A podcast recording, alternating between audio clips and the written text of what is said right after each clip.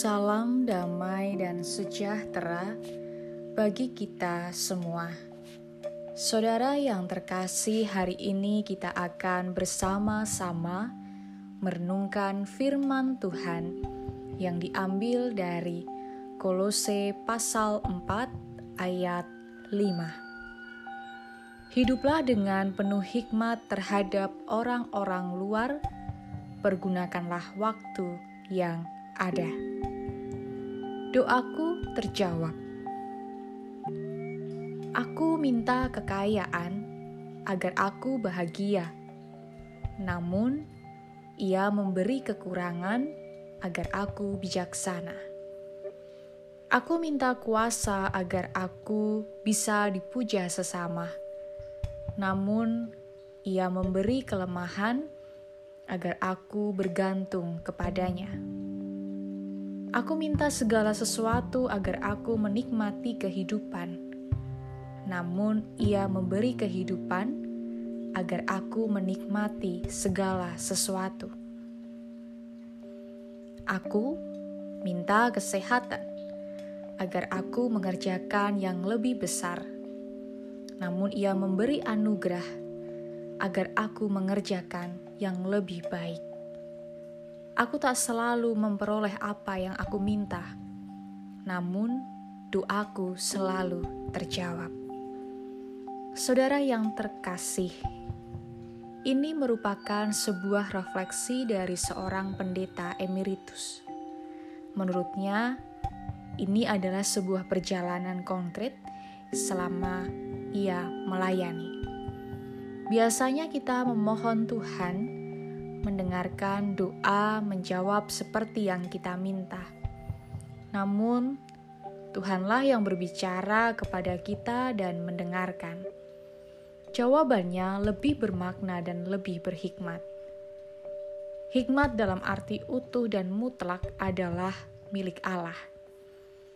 Bacaan kita menyatakan bahwa Allah menganur, mengaruniakan kita dengan menjawab untuk hidup dengan penuh hikmat.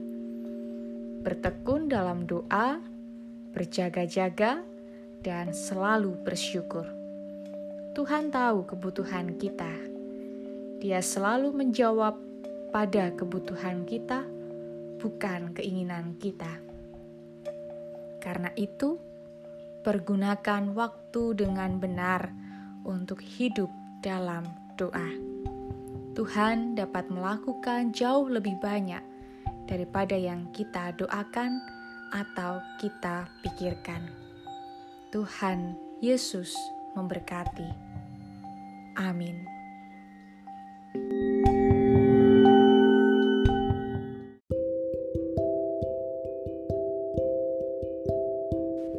Salam damai dan sejahtera bagi kita semua.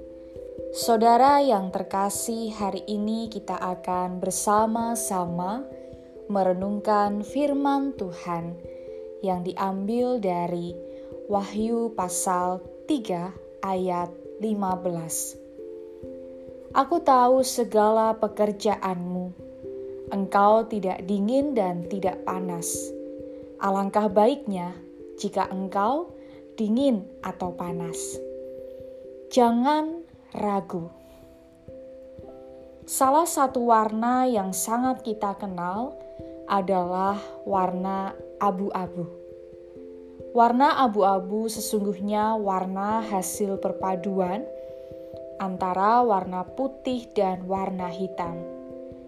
Jika digunakan untuk menggambar dan melukis, maka warna abu-abu pasti dapat membuat gambar atau lukisan itu menjadi menarik. Namun, Selain warna abu-abu juga dikenal istilah yang menunjukkan sikap pendirian seseorang. Sikap abu-abu adalah sikap yang tidak jelas, ragu-ragu atau plin-plan, tidak hitam dan tidak putih.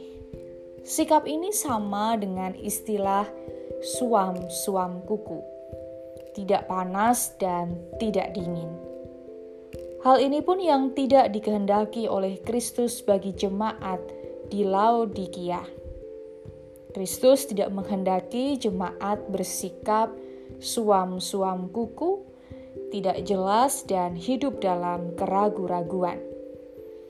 Kristus menegur mereka karena mereka sekalipun kaya, namun mereka hidup dalam keragu-raguan atau ketidakpastian antara taat kepada Allah ataukah tidak taat kepada Allah. Mengasihi Allah atau tidak mengasihi Allah.